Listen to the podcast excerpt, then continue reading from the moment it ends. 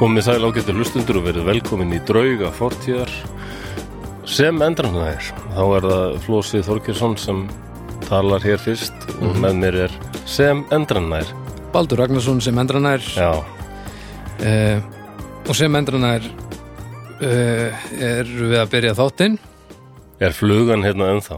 uh, herðu, ég bara veit það ekki það er allavega, hafa fluga einn áðan hvort það er svo sama, veit ég ekki en við komumst að því Nei, fljótt hún væri strax búin að sína sitt illa smetti. en veistu hvað, Byrjar einn að plaga mann. það var hérna, nú er ég að aðeins að svona reyna að koma lillu í skilningum að hérna að flugur er ekki hræðilegar og, og, og veist, þetta er bara gott Mhm. Sem er dót og náttúrulega kong, lígi baldur. kongulær kongulær eru æðislegar og, Já, ég er með þeirri því. og, og hún er bara að gangast yfir svolítið svo málum finnst það eiginlega spennandi og skemmtilegt núna en hún úst það er náttúrulega bara í eðlinu að vera hrætt bara að hræðast kongular eru svo skrýtnar í lægi Jú, jú, og svo er náttúrulega, ég held að sé eitthvað genetist kannski líka af því að sumar reyðara eru náttúrulega baneitraðar Já, já, en við höfum ekki verið mikið að díla við það hérna sko. sem betur fer En það- hrossaflugur, það er svolítið að þeim núna Það eru ófrýnilegar, ég var hættur við það þegar ég var lítill sko. Já, Það var svo mikið að þeim í grænublokkinni heima húsæk eh, Og ég fletti upp í gær bara Hvað verða hrossaflugur gamlar?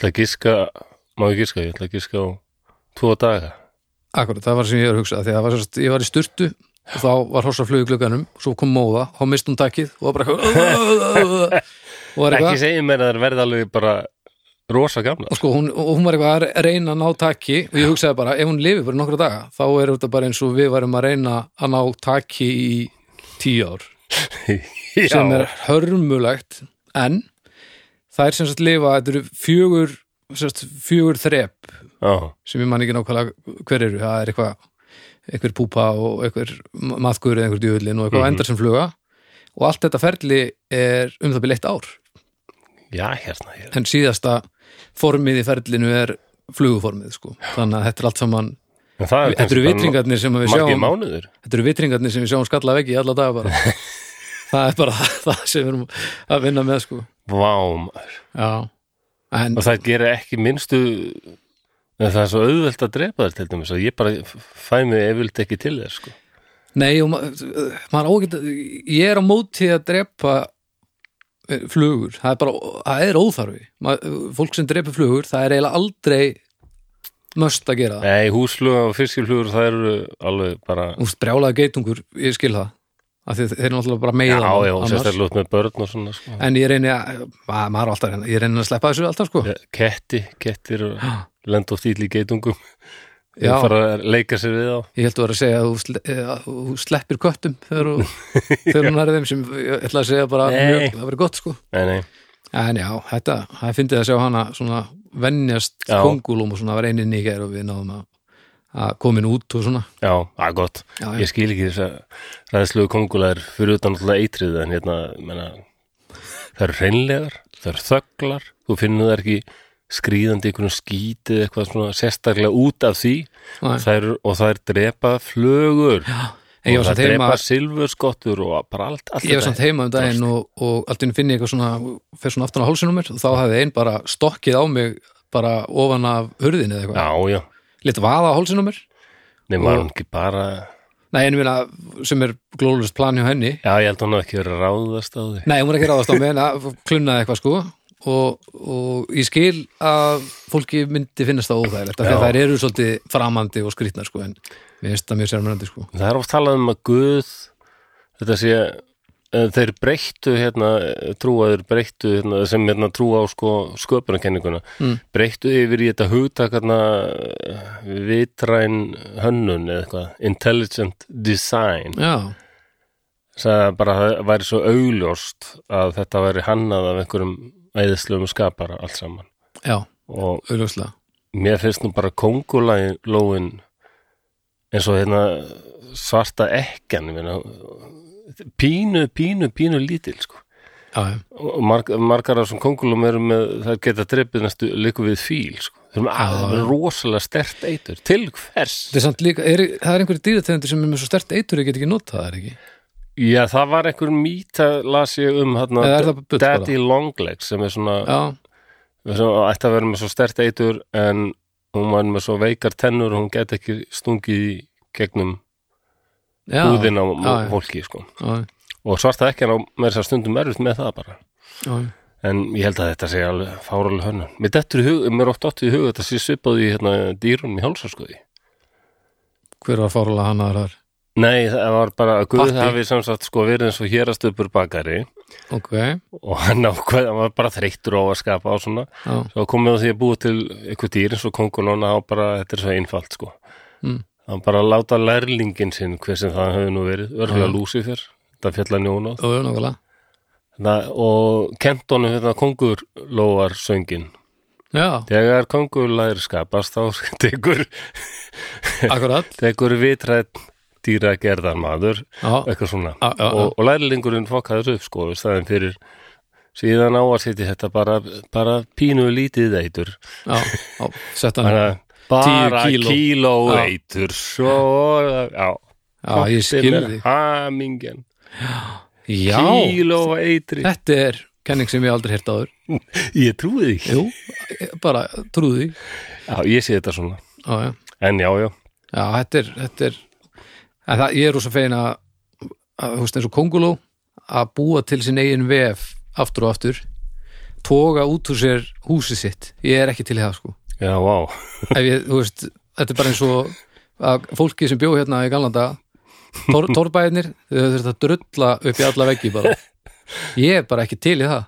nei Nei, það er heillandi, kongulóða vefur er stórkoslegt Kongul, já, er, finnst þér hitt heillandi torf, torfbæðarflossur, þar sem hún reyndar- lifir í nei, það er erfist að ímst afgangs þér Nei, en kannski ef maður væri vanur í því þá kann- væri þetta ekkert mál Já, já, ef maður getur svo sem annars öllu því, sé það ekki já, herðu, hlugkirkjan, já, hljóðkirkjan, segðum við frá hljóðkirkjan hlugkirkjan er að- að snúast í ganga aftur eftir sumafrí Já, Þannig að núna er Dómstafur komin uh, bara, í- bara fullu fjöri og, mm Mhm. -hmm. og, það er reyndar- ég- þátturinn er ekki komið inn í lofti núna en listamenn, ég held að, að, að þeir séu bara að fara að byrja núna uh, byrjuðu mögulega í síðustu viku já, já, listamenn eru Valdimar Guðmundsson og, og Örn Eldjörn og þeir hérna uh, eru tónlistamenn alltaf báðir og spila mikið saman Valdimar einn, einn ástælæsti söngveri þjóðarinnar og það var klárlega einn af mínum uppáhalds söngverum í bara Íslands sögunar flottur ótrúlega rödd ótrúlega sérstök og sérmennandi rödd Mhm.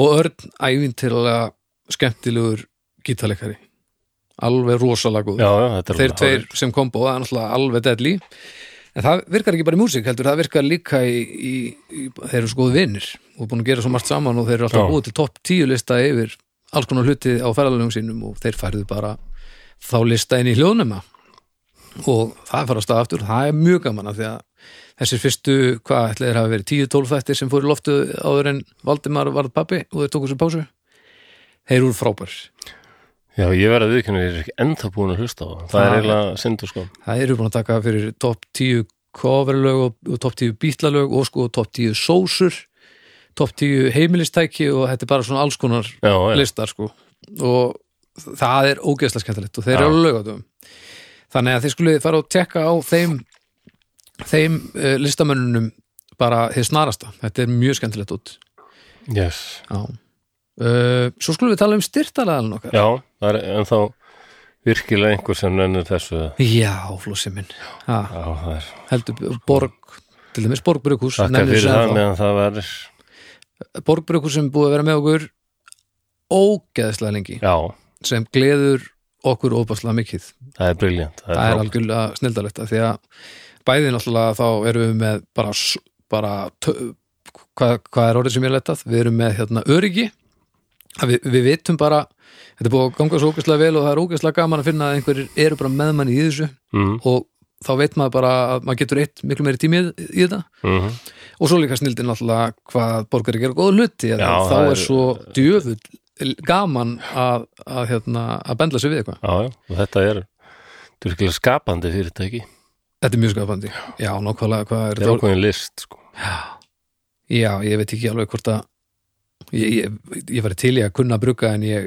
þetta er náttúrulega bara einhverju leveli sem er ekki, er ekki hægt sko Nei, ég, nei, ég hef ekki alveg einsýn í þetta. Nei, en Stulli líka bara fór út og lærði bruggmestaran Já, já, þannig að það er ekkert skrítið að hann sé góður, eh, ekkert skrítið að hann sé góður í þessu en ég gef mér náttúrulega að það eru mjög margir sem læra brugmestaran og, og bruga bara mannarskitt sko.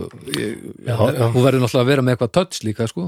En eitt veginn mér reyndi eitthvað að brugga bjóra eitthvað tímann þegar ég var bara unglingur, 80 eitthvað já, og svo fórum við nú heimsókn og komum að prófa þetta þetta var svona alveg moldar brúnt á litin einhvern veginn. já já, moldöl og bræðið var eftir því sko Já, Það var bara eins og já. mold blandaði var Þú vil hann vera að fokki ykkur hann er bara að fara út til næsta poll og þetta var, þetta var, já, bæðið bræðvond og svo bara, ég fann ekkert svona bjórbræð eða, Já, þetta er eða- bara allt það sem maður vil ekki hafa í bjórnum Nei, ég held að þetta hafi nú alla verið 1% að styrk, þetta var alltaf mjög misinn Já, já, þetta var svona hann letandi reyndi þetta ekki eftir Já, já, hann sagði allavega þetta verið mjög erfitt, bruga bjór prigg fyrir að miklu reyna öðundar að gera rauðvín og svoleiðis prigg fyrir að reyna og prigg fyrir að drepingan í ferlið En hérna Bríó, ófengur Ég vil bara minnast aftur á hann held já, ég Það er minn uppáhalds ófengi bjór alveg by far já, hann er frábær og ég, hann er bara í nýskop og býður eftir mér þegar við erum búin að taka upp hérna þá ætla Já. ég að fara heim og, og ofna menn hann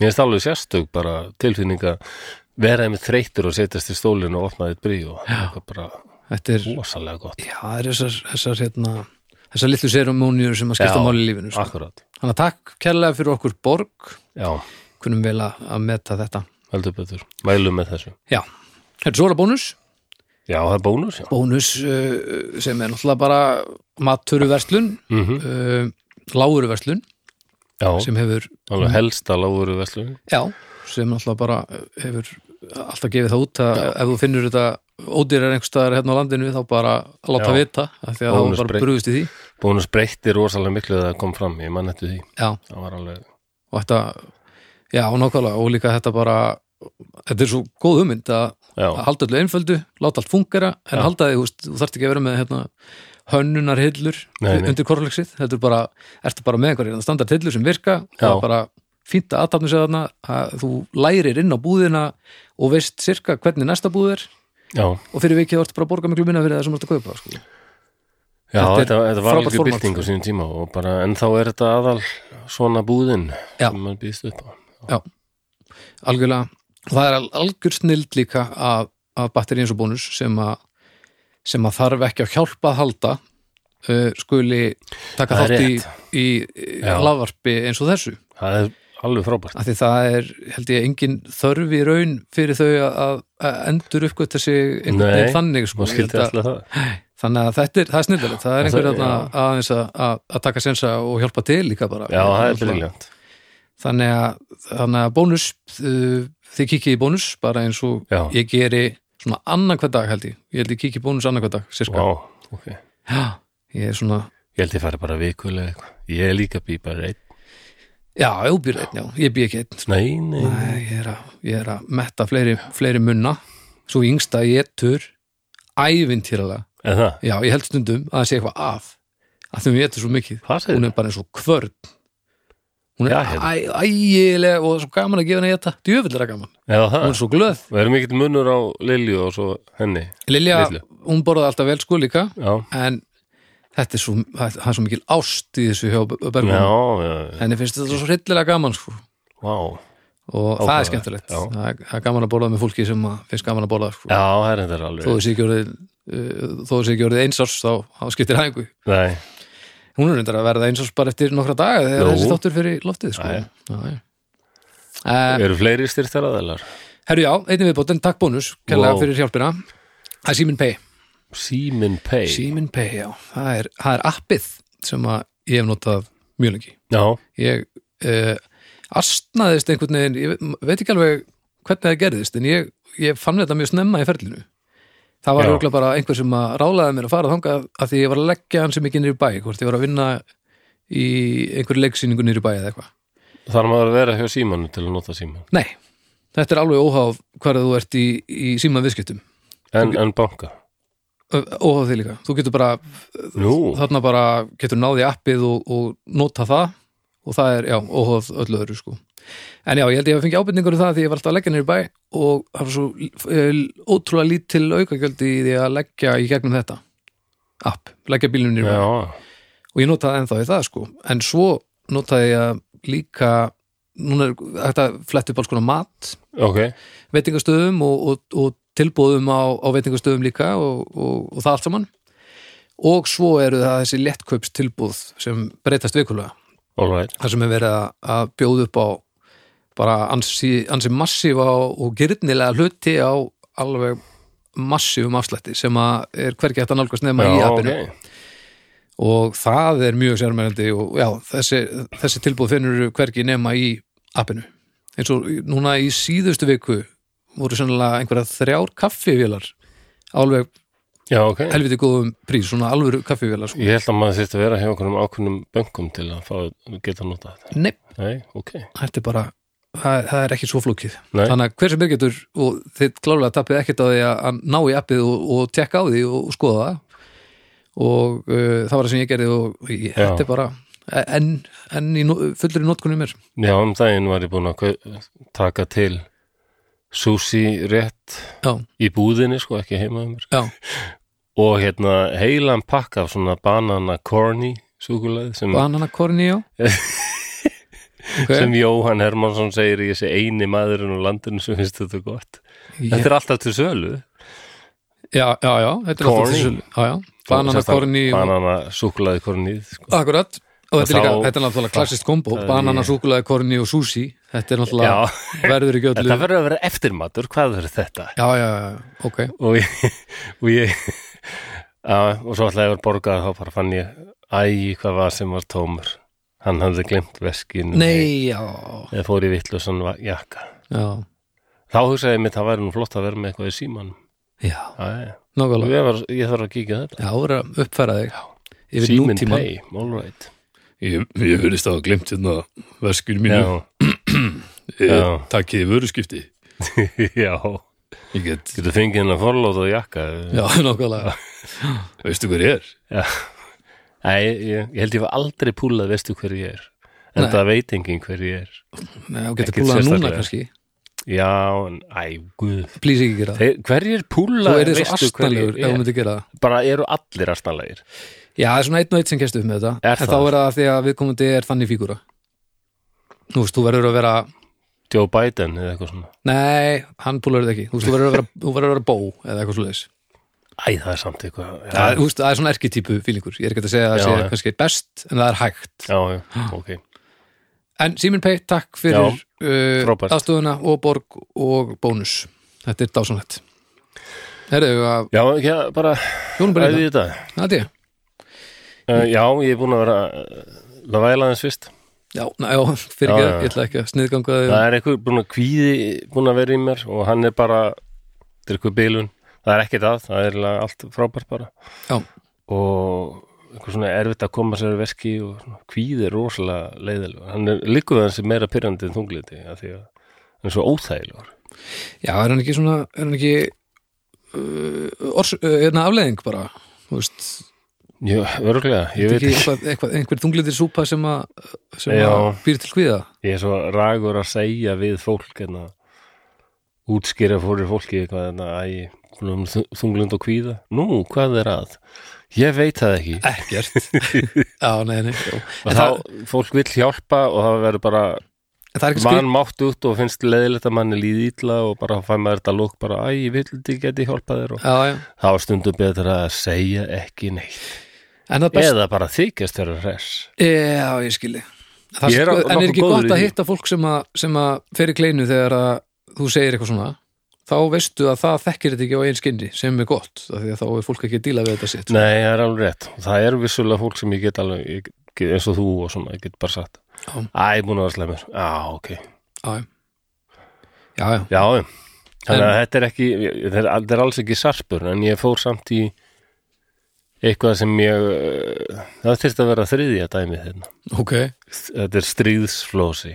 Já, átakaflósi Átaka, átakaflósi. Það er búið til nýst eða. Ó, ég, ég er ekki vissum ég hafi tímið það núna en við skulum hafa Hver sprengingar og læti og vélpissgjöld. Þetta er átakaflósi. átakaflósi. ég er alltaf komið ráðinni í það núna reynu, ég kíkja á þetta Átaka flósi Já, Ok, okay. Ég er til í átakaflósa All right Erðu ágættur hlustendur og þið sem eru ekkert mikið fyrir stríði eitthvað svona þá samt endilega Nei, ég get ekki verið að ljúga ykkur. Þetta er eiginlega þáttur fyrir stríðsnörda. Það verður bara að hafa það. Já, já. En prófið samt að hlusta á, ef ykkur finnst leiðilegt að bara hætti því. Já. Getið, þetta er samt, geta alveg verið áhugavert fyrir ymsa. Já, algjörlega, algjörlega Ok, ágætu hlustendur, við skulum setja okkur í stellingar því nú er komið að því að særa fram drauga fortíð. Drauga fortíð.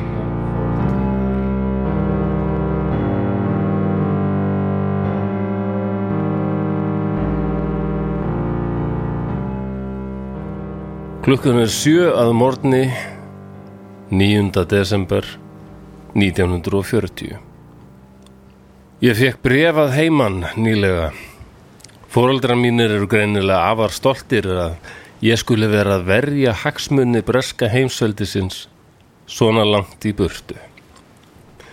Samkvæmt þeirra frásagn er stríðinu hér í eyðimörkinni líst sem afar rómantísku í fjölmiðlum.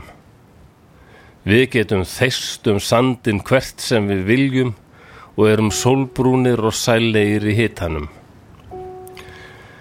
Já, ég veit ekki hvort eða bara hvernig ég á að segja þeim sannleikan. Maður þeysist ekki neitt á skriðdraga sem er 25 tonn og næri mestafalli um 14-15 kílómetra raða utan vega.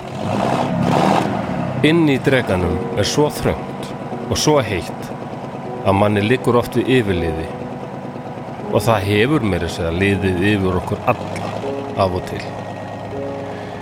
Við erum síþyrstir en fara verður sparlega með vatnið og verst er hvað eyðimörkin er einsleit. Hér er afar lítið um kennileiti til að fara eftir. Auk þess þeita bæði bílar og skriðdrekar upp óhemju af ríki og sandi þannig að stundum er vonlust að sjá hvort að það sem rétt grillir í fyrir framan þig er breskur, dreki eða ítalskur. Hvað okkur varðar Já, við erum vissulega sólbrúnir en sællegir, nei. Það myndi ég aldrei segja. Sólin er svo miskunnalaus og mætti segja að við séum frekar skrælnaðir en hreistilega brúnlitaðir af hennar völdum. Á nóttun er aftur á móti svo kalt að maður getur varla sopnað. Þetta er skelfilegt land. Hinga til hefur því landið og sólin verið okkar helsti óvinnur. Ítalirnir hafa talað degur barkalega um sókn gegn okkur í marga mánuði en við höfum lítið séð til þeirra. Þeir hafa gortað að því að hafa náð hafnarborginni Sidi Barani af okkur eftir harðvinn átök. Ítalska pressan segir að það sem nú ítölum að þakka að sporvagnar í borginni gangi nú samkvæmt áallun Við grenjuðum af hlátri er við heyrðum þetta. Í fyrsta lagi þá hörfuðum við frá borginni og ítalir tóku hana án bardaga. Auk þess er það langt gengið að kalla Siti Barani borg. Þetta er hrörlegt samansapn af laurkofum og ég kalla Ítali góða að hafa uppgötvað þetta svo kallaða sporvagnakerfi. Það var að minnsta kosti þá vandlega falið meðan ég var þar. En það er ástæða til að fara varlega gegn ítalska hernum því hann er miklu fjölmennar en við. Þeir hafa um 80-90.000 hermenn en við erum í mesta falli um 30.000. Okkur hefur samt verið skipað að gera árás. Þetta á ekki að vera neinn stór sókn en stundum þarf að ráðast gegn óvinninum til að komast að því hvers hann er megnugur. Við vitum ekki mikið um þessa ítölsku skriðdrega en þeir eru mun léttari en okkar aðeins um 13 tonna þyngd. Við treystum Matildu okkar. Hún er þung og hægfara en með þykka brinnvörn og ágæta byssu. Það væri líka mjög gott að geta gefið ítölunum ærlega á baukinn því við höfum heyrt að mögulega munum við eiga í höggi við þýska herin þegar framlýðast undir. Ég barðist gert þjóðurum í Fraklandi og get vitnað um að það er ekkert grín. Eftir um skelfilegt ferðalag í tvo daga erum við komnir að ítölsku víkstöðunum. Við höfum reynt að fara með leynd en það er ekki auðvelt fyrir mörg þúsund manns á skriðdregum og flutningabílum. Ítalskar njósnavélar hljóta hafa komið auga á okkur og þeir eru tilbúinir í átök. Dregin okkar nálgast þá hægt og bítandi. Ég sé núna tjöld þeirra og búðir. Skyndilega finn ég sérkennilega en afar góða lykt. Ég get svarið að þetta er ilmur af kaffi og nýbökuðum rúnstykkjum. Eru þeir bara að drekka morgunkaffið og gera sig um leið klára í bardaga? Jæja, við ætlum að mista kost að skemma það fyrir þeim. Nú heyrast skerandi hljóð í sekkjapípum og brjáluðu skotarnir í hálendingasveitinni æða öskrandi fram. Vélbissuvagnarnir hafa hafið skotrið á virkiskarðana. Ég kem skyndilega auð á M13 skriðdrenga. Ha, býtu hvað er að gerast? Þeir standa bara þarna í röð eins og þeim hafi verið lagt í bílastæði meðan eigendurnir sötra morgunkaffið. Ég keiri beint að þeim. Leðslumadurinn hendir skotirki í rauðina. Fóringin öskrar og skotið rýður af. Ítalski drekinn hverfur í blossa og reik. Svo sé ég hann á ný og hvílík gleði. Hann er allur sundur tættur. Þetta er drast. Annað skot í rauðina og bam! annar M13 orðin að brota hrúu. Þetta verður veisla.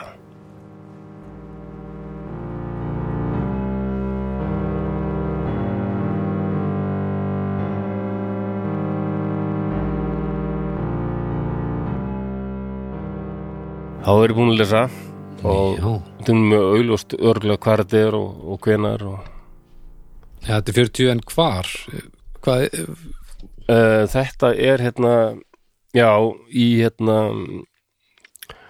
Líbíu já já, held ég sé örglega ekki að ljúga því Örgla, augljóst hvar þetta er Hvað menurðu? Ég er, já, ég meina, ég er ekki svona Ég er ekkit á bóla, alveg eins Nei, mikið ok. á bólakafi og þú í þessu sko það er rétt Ég er bara gaman af, af hörmungum já, ok, en ég hef aldrei haft eirð í mér til þess að að, Já. hérna, að fest það fe- svona, já, leggja á minnið hva, hvaða eðimörk, hvenær og, og, og svona uh, já, ég finn uh, reyndar hérna Siti Barani er er í Egyptalandi en ekki langt frá Líbíu ok, um, nei, ok, hvernig á ég fyrst var þetta Eðimerkur stríð sem má segja hafi staðið frá 1940 til 1943 mm og það er svona daldið vinsælt svona umfjöllunarefni og ég veit ekki hvort þú sé myndir frá því en þetta virkar alltaf daldið svona exotíst og eitthvað svona romantíst og, já, já, já og svona skriðdregum fullt af skriðdregum að keira og það er bara sjól og sandur og svona já, eitthvað svona World War of uh, Arabia já, já, já, ummitt og hérna, þetta er aldrei klikkað sko þarna í Breitland og Ítalía að berjast já, í bara einhverjum allt öðrum löndum já, já, í Egyptalandi og, en Líbía tilheyrði Ítalíu já. ok, og Egiptaland þar voru breytar með mestu ítökin sko. já, já, já þannig að það var bara þarna voru landamæri já. Já. og Ítalir Mussolini vildi vera líka svona rosalega cool og töff eins og Hitler með Mm. mikinn her og svona já, já, vildi sína Ítalið væri herveldi svo vin, vinnu sinn já, og þeir höfðu byrjað á því að ráðast inn í Ethiopíu já, sem þá hétt Abyssinia ok, og hérna því Ítalir voru alveg með nýlendur hérna já, já, í já, Östur-Afríku já, og þar börðustur við Ethiopíu menn sem náttúrulega höfðu ekkert já, já bara vantróðu ríki sem hafði Það átti ekki sens. nei, hardulega hermenn en, en það er bara mikilvægt í stríði að hafa réttu græðunar Já, það er akkurat. bara þannig Já. og já, já, við erum náttúrulega sigur úr Ethiopíum en augljós auðvöldlega, Já, en nú vildi Mussolini ráðast bara hérna, inn í Egyptaland og dreymdi heila um bara menn að bara taka Egyptaland af breytum sko, og taka Kæru og allt svona og, sem, og geta haldið áfram kannski inn í miðausturlönd og bara sem yfirlýsingu eða sem uh, landtöku, þú veist, var- sem landtöku sko. fyrst og fremst til þess að bara ná, ná yfir þessi, þessi landsvæði frekar en að sína hvað hann væri bæði, flottur. bæði sko Ok, Þetta var enn samt, jú, jú, örgulega var hann með draumum að sækja ennþá lengra kannski og bara, en þetta voru ekkit annað en það draumórar með þess að hersöðingi þannig að sögðu bara þetta er alveg þetta er alveg vita vonlust sko. já, já, bent á það að við erum með bara svo mikið með miklu fleiri menn, við getum komið með þá já, bara með svo mikið drasl þessir Já, skriðdrekar og já. drasl úrælt vopn mm, og hérna, þetta sem ég var að lesa sem sagt, þetta gerist 12. desember þetta er orðustanum Sidi Barani ok þegar brettar bara ákveða að við skulum bara fá úr því skorið hvað þessi ítali geta við verðum bara já, Þau Ítali voru búin að uh, tala mjög lengi um það að ráða þannig í Ekvitaland Já. og voru búinir að taka þessa síti bara ný og, en svo fara þær ekkert lengra því að það var svo mikið vesinni eðmörkjum, þetta er alveg martröð að vera þessari eður. já þetta, þetta vorst ekki að selja mér þetta áðan sko, Nei, það nokkuð. Nei. heitt og kalt til skiptis Já, alveg rosalega og hérna, það er, ef maður er ekki í sundlug þá er það slæmt, nei, og hver, hver maður fekk svona fjóra lítra á dag af vatni. það var fjóra svona skamtur eins og þú férst og það allt áttur að nota til drykjar og a- alls annars þrýfa þig, já, bara heilt yfir bara. já, wow, í eyðimörk já, nákvæmlega fuck, hvað var maður að drekka mikið á dag svona venjulega tvo lítra, tvo og halvan já. en þarna, ég menna, þú ert bara og hvað það ætli maður hvað ætli ég- hvað ætli maður noti er mikið af bara vatni á dag óbáslega heitt yfir þarna, hvað heldur þú það noti er mikið mynd af vatni á af dag þýskum já, ég reyni að drekka reglulega því að já, það er en svo gott- líka, líka í, þú veist, þegar þú ert að þrýfa þig og, og klósettið já, þú menar, hvað ætli, ma- hver ætli vastnislamanns á dag sé þetta er góð spurning það er meira allavega það já, er hreinu. þetta eru örugglega einhver- til einhver útrýtningar um þetta já. já, alveg klálega meira en já, alveg miklu meira og við erum ekki eðimörk sko. Þetta eru margir lítrar, ég veit ekki hvort það nær kannski ekki tíu lítrum á dag en, en milli Ja. fimm og tíu, ég er með styrtu, menna það? Jú, sérstaklega fyrir stuð með styrtun já, ertu komin yfir tíli Já, já, auðvitlega ef einhver er þarna, En ef einhver hérna- vasteljar er þarna úti, þá má láta vita hver meðal nesla íslenska einstaklingsins er á vatni á dag Við Íslendingar förum oft margir sem fara í stuðtu var annarkveð dag já, Það já er og alveg margir heilmikið náttúrulega sem á fara dag. allavega einu svona dag sko Já, vá maður. Við náttúrulega erum svo heppin að vatn hjá okkur er bara Já, já, þetta er ekki, þetta er ekki vandamáli segið það Nei. ekki, en ég er bara að pæla ma maður einhvern veginn pæla ekki í þessu þú- Nei. ekki, hvað að nója nú var til dæmis engin fluga hérna Mér fannst ég hafa séð eitthvað já, þú ert bara þú ert bara orðin nójaður Ég var varfið eitthvað reyfing flugu, flugunójuna Hún er vöknuð Já. Hinn svarta sjálf situr um mig Já En- Ok ok, Já, þetta var alveg sko og það var lítið um svona vassból Já. og ofta vatnið ekki allt sérstaklega reynd játtel þannig að þeir þurftu mikið að kljást við blóðkreppu sótt bló, já, svo komum Þarna við aftur kom að henni hún, já, Já, akkurat, sem heitir dysentery á ennsku Það ógeðslegt er, orð já, hiti og beinverkir og, og heldur engu niðri og, Nei. það er bara afleitur dýll Það er rosaleg mynd sem ég séð úr þessu stríði þegar þjóðverjar voru komnir í þetta líka Já. Það er þýskur hermaður sem er að steikja en að spæla egg á skriðdrekunum sem á Já, já, sko já, heitu já. stálin alveg rétt, já, Það var oft svo óðbáslega heitt að það var bara að þetta skaðu brennast og- það er ekkert verið að skrúa niður rúðu sko. Nei. það er bara, er ekki Nei, og svo hverju sandur allstaðar já, fer inn í allt já nákvæmlega Já, inn í fötið þín Új, öllum skóm allstaðar og hérna öll tæki hvað þetta hefur verið heitt hann? Það, náttúrulega, hefur alveg farið upp í, ég, ég veit, ég hef ekki, Þetta fyrir, hvað er það að segja, ég meina, þetta er í hvað það desember getur náttúrulega í sólinni sjálfur örgulega farið upp í, öðvöldlega upp í 40 gráður, Já, sko. bara að það er 25 og maður Já. pældi að, að fara þó að verði bara 25 gráðum hérna nýri Nauthólsvík á skriður hvað heldur Já. maður getur lengi inn í honum bara svona 10 myndur, þá Nákvæmlega, er maður döður já, það er alveg rétt. Þannig að þetta er alveg, þeim fannst þetta hryllilegt, sko. mm. Þeir sem börjast við yfirmörkinu og allir satt, sko, að þetta er alltaf gert, það vantar í myndirnar og tölvuleikina, Já, allir þessu rosalega, imdina já, það er bara sínt róm, visual romantikin og aumingja ítalir.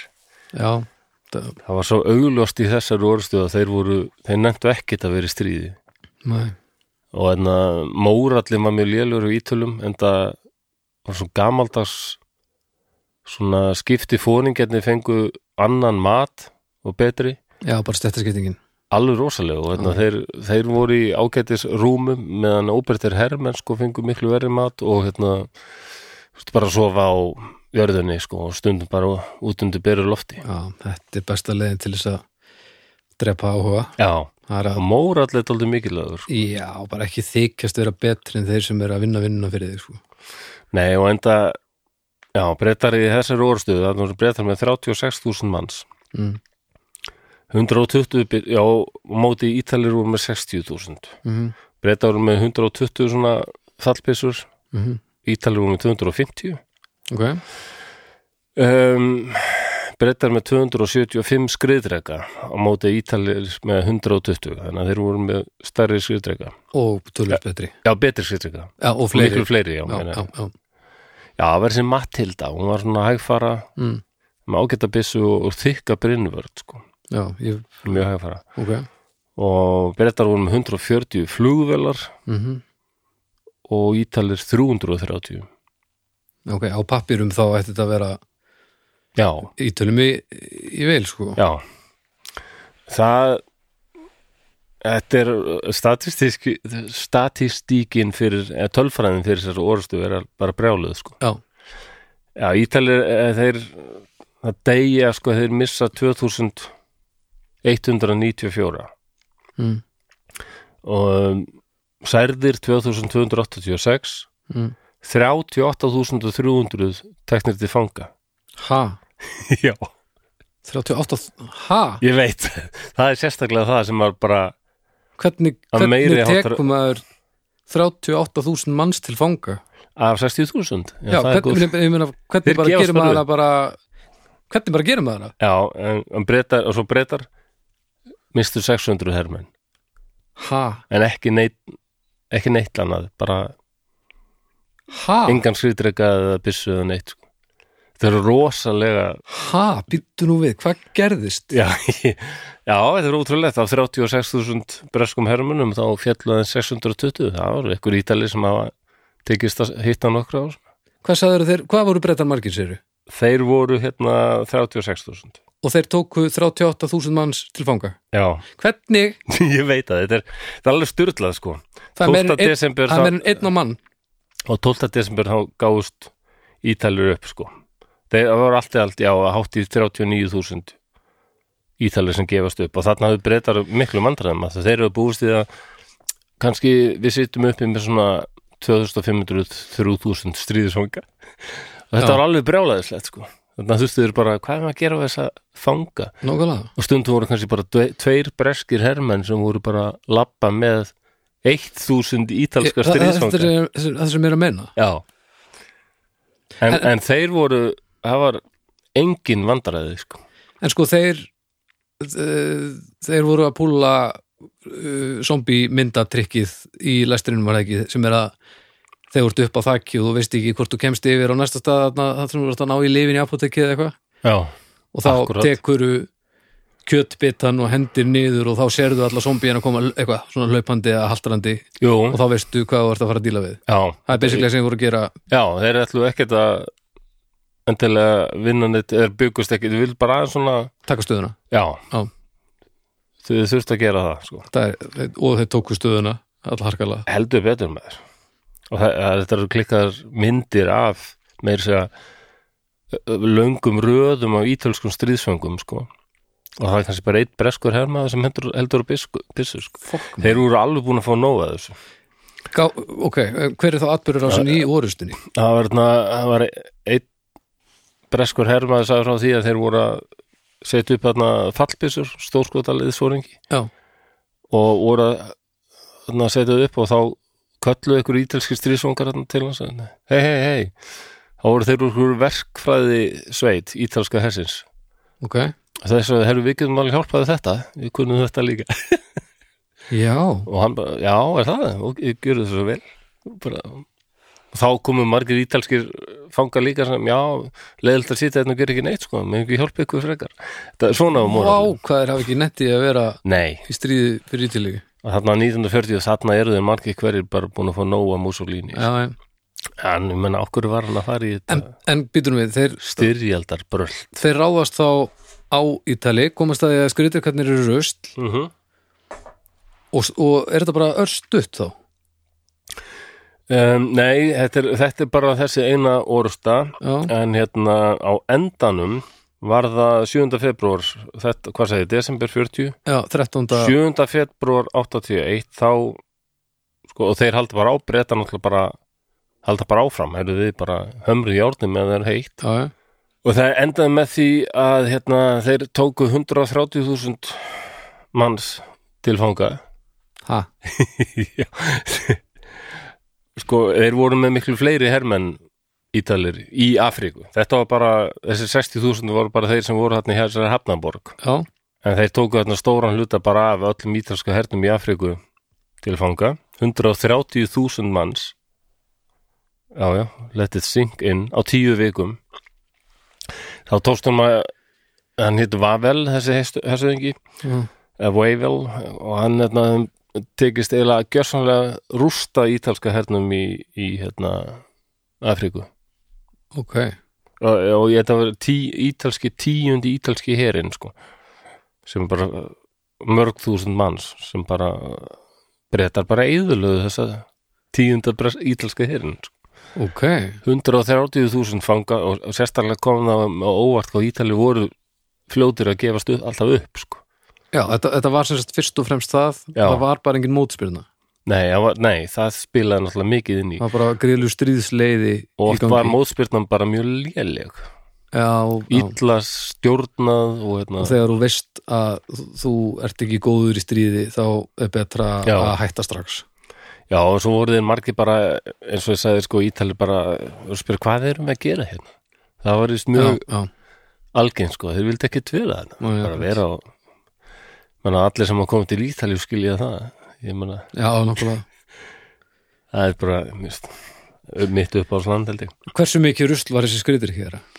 já hann var mjög óvinnsæl sko og hann var mjög auð, hann var með mjög lélega brinnvörn Ok. og þetta var eiginlega bara líku við svona hann var algjörlega úreldur sko fyrir setni heimströld Ok, lélega byssu og hérna allt of þunna brinnvörn já, sérstaklega já, já. þannig að það var ekkert mál fyrir breyta þessi skrýtrekar hjálpuð ítölum ekkert Nei, hann var svo sem ágætur svona, sem svona stuðningur við fótgöngulið Já. gegn öðru fótgöngulið já, já, já akkurat. en um leið og breski skrýtrekar voru mættir þá bara Það voru bara Já, farnir en breytar áttu nú að fá að kynast í hvernig er að vera á lélegri skriðdrega heldur Já. um mótarinn því að þarna, hvað gerir Mussolini hann byrjar því náttúrulega að kenna sínum eigin mönnum um þetta, þið eru allir auðmingjar hann rekur Graziani Marskálk Ok, sem hann vildi aldrei fara í þessa herferð frekarinn nokkur annar, heyrðis mér nei og alltaf búin að segja hann um þetta við, við, við eigum ekki sens í breyta, ég er að segja þér Já, og hefur Mussolini heyrið hvað margir hefur gefist upp sko mm og að, að hérna, fimm af hverjum sex eitthvað hefur bara gefist strax upp já, þá sagði hann, já, þetta er alveg augljóst að einn af hverjum fimm af þessum ítölsku hermönum er alveg rómverju með stríðsmanna blóði í æðum mm. eitt er ekkert um einhverju ömlugu síkunna skrýl hans orð, ekki mín já, já. já, Bi- eh, eins, alveg dæmi ekki þurr alla svona innræðsherra kenna alltaf öðrum um það Já, já, þe- þegar út komin ákveðið stig þá er rosa erfitt að við kenna fokk upp sko yes.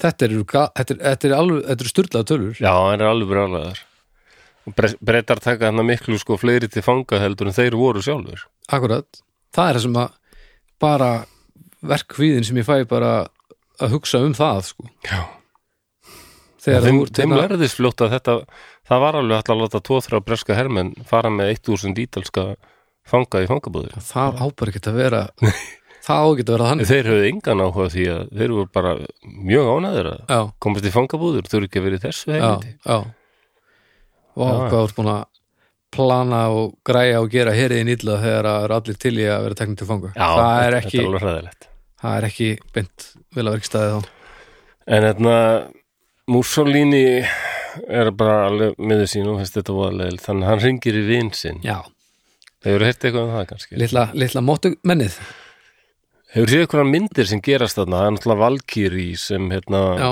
hann hérna, Tom Cruise leikur í, hún byrjar þarna í auðmörku stríðinu. já, Um, já, annars eru kannski ekki mar svo marga myndir sem hafa verið gerðar hérna í Ég auðmörku stríðinu. þekki þetta ákala lítið sko. Nei, en það er þetta eyðimerkustríð breytar vilja allt, alltaf oft gera mikið úr þessu mm, og þetta virðist þú að mikið 130.000 fangar og svona mm, en þetta er sérstaklega séð frá sjónarölu sjóðverja þá var þetta alveg aukaðatrið já, þetta er sætsjó í stóra, já, já, já, þetta er já, svona hliðarspor já, já. í stóra samingin sko. já þetta er meira þetta er meira svona persónuleg saga afreg saga heldur en eitthvað sem hefur áhrif á heildarmyndina sko. já og þjóðverjar voru þeir voru með hugan eitthvað alltaf annar staðar sko. það var ofta að fara að ráðast inn í já, átt Rússland að fara, fara aðeins þarna já, einmitt og ná því fyrir en ná því þarna yfir sumamánuðina já, einmitt já, En Þá- hann ákveður þá- að senda hérna bara fámenna herdeild og hérna og einhverja skriðtreka á dót svona, mm til stuðnings Mussolini ok eða vin, Hitler var, hann daldi vinnu vinnu sinna já, og, já, hérna, og hann sendir herfóringin sem er rosalega frægur og margir hafa heyrt minnst á Hm. Nú. sem hétt Ervin Rommel já, hefur heyrt minnst á já, hann já. og oft kallaður Eyðimerkur refurinn Eyðimerkur refurinn, já, það er, það er titill að því hann þótti svo kettn og klókur og svona og Eyðimerkur Ég ætla í þessum þætti að rífa niður þá mýtur sem er Erfin Rommel. á að rífa nýtt raskat rommel Nei, ég ætla bara, Eyðimerkur raskat mér finnst hann rosalega ofmetinn, þessu þingi. Aha, ok Og ég, ég bara ætla að reyna að færa rauk fyrir því að svo sé. ok, Það getur er þú Marg, og nú eru margir stríðsnyrðir held ég sem er alveg bara, að nei. segðu mér, uh, sko, nú er ég nú er ég illað mér í rommel Já, getur sagt mér hvernig, hvernig er talað um hann hver er sér satt hann verður alveg sko svona strateg, uh, hvað sem er, Strat- Strat. svona herkensku Já. snillingur. ok, Hann var með miklu færri hermenn en breytar en vann alltaf sífjöldan sigur á þeim sko ok, og sótti inn í Egiptaland og allt saman. ok og var þeim bara mjög óþægur ljári þúfu ok, og líka það hann hafi verið svo kenn hann hafi leikið á breyta eins og eitthvað hugmyndur Já, já. Uh, hann hérna hann hérna til dæmis hafi útbúið sko látið setja eitthvað svona gerfi uh, svona gerfi klæðningu utan okkur að vörubíla þannig að þeir litu út fyrir eða, eða bíla þannig að þeir litu út fyrir skriðtrekar já og hann hafi sendt nokkra skriðdrega á stað en látið fullt af bílum keira í hrí, svona fram og tilbaka fyrir aftan þá þannig að þetta virtist vera Já, rosa, já. rosa sandur rosa margir sópaðist upp uh, virtist vera rosalega stórt lið já, já, og hann hélt einhverja hersýningu í hertökinni borg og vissi alveg að það voru breskir njósnarar þarna Mhm. og þetta virtist það alveg fullt af liðin sem þjóðir voru með sem kom Já. alltaf framandi þarna framhjá bara svona töframann Já, töframann hann getur eitt tók stælar eftir bara. því að, að hann eitt tók eftir því að það var belti á einu skriðdreganum sem var eitthvað smá bilað Eh, Já. hann gaf frá sér eitthvað svona hljóð mm. og hann keirið bara fram hjá skriðdregi en svo eftir smá stund þá kom hann aftur já, þá já, fattar hann, þeir voru bara að keira eitthvað tring já, já, það virtist verið miklu fjölmennar í liðin þeir voru, eitthvað svona, þess að hann kallaður eðumörkur refurinn já, já, já, já. ok, ég er svo sem held ekki að hann hafi verið beint lélur herfóringi, alls ekki en það ég held þessi bara, hann er ofsalega óðum metin ok, og bara, já, mjög óðum metin ok segir þetta eitthvað og, en Já, svo er já. líka, hann er rosa töff sér allar myndir á honum, hann er alltaf hann er að- fellega svalur eiginlega svalur já, hann svona bretta upp og hann verðist vera svona maður sem lætur verkin tala hann er ekkit, já, hann er oft í svona þvældum fötum eins og hann sé bara í fremstu vílunum með hermönnum sínum já, svona búin að móka allan daginn já, típan. og hann er með svona upprettar ermar og það er hann, ótrúlega að sjá fólk sem lítur út fyrir alltaf, það er sumir sem maður hittir og þeir eru alltaf eins og þessu búin að móka í hálfan sóluringa áður en maður hittir það já, Já, hann hefur þótti reyna þannig. heim passaði sína svona eins og hann væri já, já, og var Já. allt til að búningurinn hans væri svona allur reikugur og já, já, já, já, og hann var yfirleitt með einhver svona trefil sem hekk bara svona löst í hálsmálinu og svo var hann ok, mjög fínn á frægur fyrir að vera með svona glerugu svona sandglerugu fótbolti. sandglerugu já, hann hefði f- fundið ykkur svona sem er svona, svona loksuðu neða, bara svona vörð gegn sandinum eða sko. ok, það kemur sandstorm og svona maður sér ekkert sko, ok, og það er trefill rok. trefill og sandglerugu, djúfis hipster að Eða það lítur mjög kúl út sko ok, og myndir af honum með, myndir af honum með glerugun sko upp á húfunni alltaf já, já, já, og já. svona með kíki hann er bara þessi maður, þetta er svona action maður og var hann svalur svona at the time líka eða hafa allir síðan nú bara Nei, nei, hann var svo, helvítis svo Rómver, rosa alltaf. svalur, hann varð rosa frægur líka meðal hérna, með sem er meðal breyta líka, sko. Já, já, Þeir ok. keyptu alveg þessa, en það var rosa áraðs Já, dæmi, sko. Hann já. var gerður svona, sko. Sm- smíðar kaftin hann passaði alveg upp á það sjálfur, hann var yfirleitt með ljósmyndar með sér. Það er myndir á hann það sem hann er var hann með ljósmyndara Já, já. já hann sko Það var alveg sumin hefstöðingar sem föttuðu þetta. já, það þarf að stríði vígstöðunar eru margslungnar sko Já, já, þeir eru margir sumir svona ása hetjur sko, menn vildu Já, já. fá og hérna, ó, Dre- helsti óvinnur Rommel sétt hérna Montgomery hann var líka rosa típa og, Ok. en hann Anthony Bívor sagt frá einhverju bent á það, hann svona daldi gaggrinnin á Monty sko, hann er bent á það að Montgomery var eiginlega alltaf með myndir með sér, af sér sjálfum sem fólkið, sem við höfum fólk bæði um áritanir, þá, þá fekk það sko mynd, áritaði mynd alltaf hann var alltaf með myndir það er nú bara það sem fólk gerir í dag sko Já, já, ég gerir í dag en þetta En var eitthvað það- svo það- spes já, á þetta er þessum kannski- tíma, sko. þetta er kannski undir svona, þetta er aðeins skringilegar aðstæður Já, Rommel passaði vist alveg upp á lúkið sko, að það er sagt mér þess að hann hafi stundum sko uh, þetta var rosa verið mi- hann hefur verið póser bara, bara. þetta ljómar hann já. og líka sko en hann vissi líka að og þetta var, enginn mikilvægt annar, var engin sko. annar með trefil ég held að hann- Rommel hafi bara líka hann var skilgetið afkamið sko nasista stjórnarinnar já, sem er náttúrulega bara, bara Já. stærsta pósera batteri allar tíma og Goebbels bjó rosalega mikið til þess að hetjulegu já, típu af Rommel sko, hefur örugglega bara sagt bara ljósmyndurum að að- að var flottur kall bara takir reglulega myndir af Rommel og Rommel brást við með því að bara og, svo, þe- þeir skilur Púlaði hvern svo- annan sko. og Kúba tekur þetta síðan setna, Já, búið, já. búið til svona erki her, her uh, hetjur sko Já, ég held að þeir hafi að margar þessar myndum sem við sjáum og þetta virðist bara að vera tekið bara eh, svo ég sletti nú spur of the moment já, já, bara svona bara í stund hýta milli stríða eitthvað Já, Já, já. þetta er ótaf rosalega plana Herru, getur að lifta aðeins kaffibóllanum hérna og Já. verður til í að sjúga aðeins meira af vindlinum. Já, akkurat, það lítur að vera En- það, það, það er þannig, En við sko, vitum það. Rommel, var hann einn með trefil? Var það sem sagt ekki venja að vera með trefil að það? Af því að besta leiðin til þess að finna pósir í heiminum, það er þegar einhver Þegar- einni með trefil. Já, hann var trefull. Já. Nei, hann, hann virtist alltaf vera einningur með Já, svona, þá, það, þá þú þarft ekki að vita meira. eh, nei, Ef það er einhver einn sem er með trefil í já, einhverjum hópi, þá veistu bara að, Já. að, akkurat. en Monty, veistu hvað hann var með? Sem var hans, Ó, þetta var eitthvað svo byrjandi. það var alpahúan, Nei, alltaf með alpahúu og svona, svona, Úff, maður. það er svona útvíðum buksum, svona, hann virkaði svona, en hann var hipsterinn sem er svona nett hallarislegur en samt kúl og töff, sko.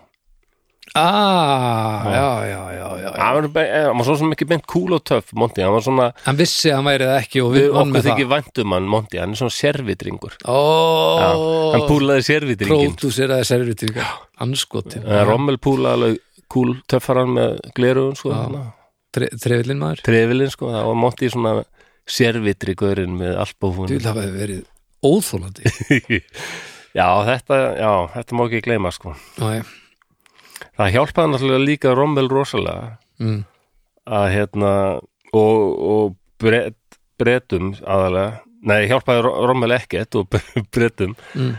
að, að ákveðum tímbildi þá hérna ákóðu bandarækjumenn sem voru í Kæró Já. eitthvað svona herr, herr, hernaðar fulltrúi sko Já, sem var þar í, í Kæró og var alltaf að senda skilabóð til bandaríkjana með fréttum af hvernig stríðið væri og hvernig breytum gengi og svona. ok Og vissi það ekki að þýska leiðumþjónstun las þetta af áfergju Já, já, já, já, og var alveg búin að hérna, krakka hennan þetta dulmál sem Já. hann notaði. já. Svo dettur einhverjum hugum við, ef ekki breyta þessu dulmáli sem gaurinn þarna í Kæró er að nota og þá mistu þjóðir hann mikilvægum upplýsingum sko, já. sem þau eru alltaf haft. En hvað hérna hvað gerði Rommel, segirðu? Hvað, hvað afrekaði hann? Já, hann var, náttúrulega- hann var svo ofsalega mikill svona, hann var ofsalega aksjónmaður, hann vildi eiginlega bara alltaf vera að gera eitthvað, sko. Hann mætir svo eð með Já. ekkert rosalega stórt lið Það var náttúrulega rosa, hann, hann vannmatt til, mér finnst hann- hann vannmatt ofsalega, það var alveg, það er eitt fyrirbæri, hvað heitir það á eiginlega á íslensku? Logistics, en það snýst að hérna flutningaleiðum. Já, Þú þarft alltaf vörur og vistir og dót já, og ef við ætlum að sækja frá Akureyri mhm, og ná Húsavík mhm og það tekur okkur tíma af því að það er alltaf okkur húsískur her að mæta okkur jú, jú, og hérna, báðir já, bælaði þessum sko og hérna, Mhm. og við klárum skotfæri og vantar mat og svona og Mhm. það kemur allt frá Akureyri Já. og því nær sem við komum komumst Húsavík, því lengra þurfa vörubílarnir eða hvað Mhm. Rétt. sem kerir frá Akureyri sko, það er hár rétt, já það, þetta er mjög mikilvægt, Það þarf að- þetta var vera með það þó reynu því lengra sem þú fóst því erfiðara var þetta alltaf já, já, þetta er bara vantaði vantaði bara bensín og allt ótið sko.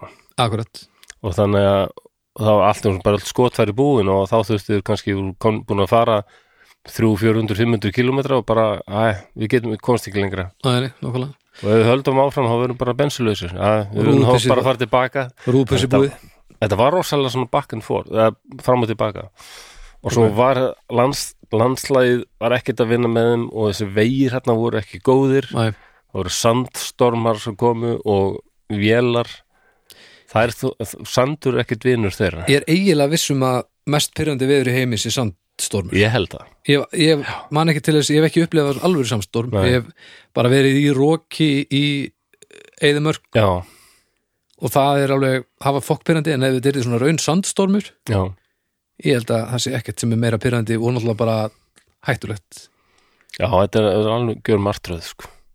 Ég held það, og smá saman þá alltaf, byluð allar vélar út af Já. þessum sandi og já, já, já um, uh, fyrir utan þannig að þe- þeir voru með allir hermenninni voru með mat með sér og þurftu að gera þarfir sína einhvers staðar, mm sumur dóu og veikir Já, Þetta laðar voðalega að ákveði dýr sem ég tel vera ömulegasta dýr. já, já, Jarkringlunar er búin að bölva daldið mikið í þessu stúdíói undanværi. já, já. Tapirinn, það er Tapírin.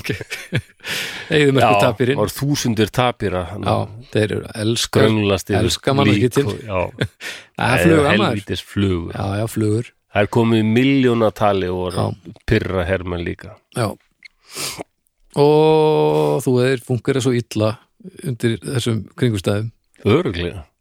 Alveg. 100% Þess vegna finnst mér oft ógeðslegast þegar ég er að lesa um seinni heimsturöldin- heimsturöldina Mm. Mm, Já, ég, ef ég er þurft að velja ég bara vilja vera eitthvað þar í Evrópu sko.